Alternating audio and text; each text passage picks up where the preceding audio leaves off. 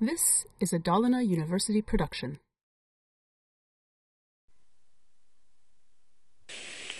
Vi ska titta på hur man jobbar med dateobjektet.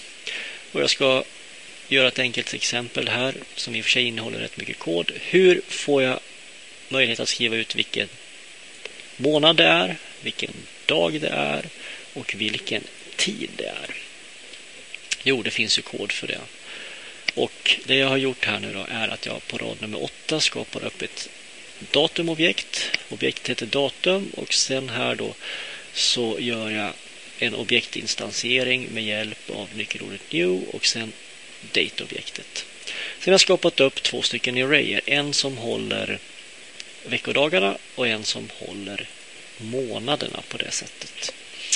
Och eh, det är för att jag ska kunna, kunna skriva ut om det är söndag, om det är fredag och så vidare, fast på engelska. Då. Och likadant när det gäller månaderna.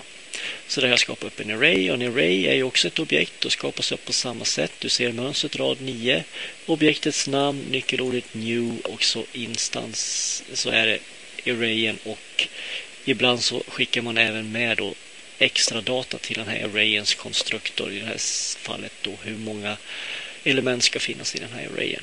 Så här gör jag en objektinstansiering av typen array som sparas i objektvariabeln weekday.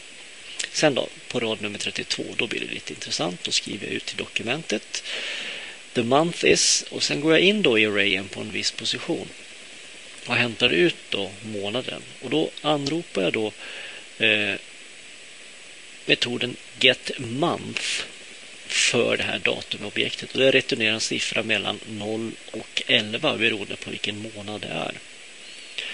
Eh, så då, nu är det ju december när jag spelar in det här så då returnerar GetMount 11 så då går den in i Rayen på position 11 och hämtar ut december. Hade jag gjort den här i juni så hade GetMount returnerat en femma och så hade vi gått in i positionen på position 5 och hämtat ut juni. Då. Så GetMount returnerar en månad baserat på nollan. Så januari är noll. Likadant gör jag för eh, att hämta dagens datum. Jag går in i arrayen som heter Weekday på en viss position och med hjälp av datumobjektet och dess metod getDay så får jag en dag och den här är också nollbaserad. Eh, och då börjar veckan på en söndag.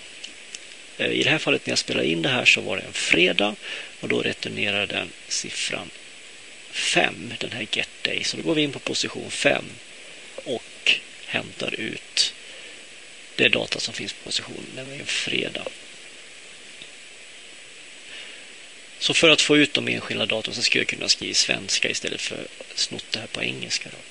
Därefter på rad nummer 34 här nu så kan jag plocka ut tiden och den behöver jag ju inte göra om utan jag använder då metoden getHour som hämtar ut klocktiden och sen använder jag get minutes som hämtar ut minuterna och get seconds som hämtar ut sekunderna.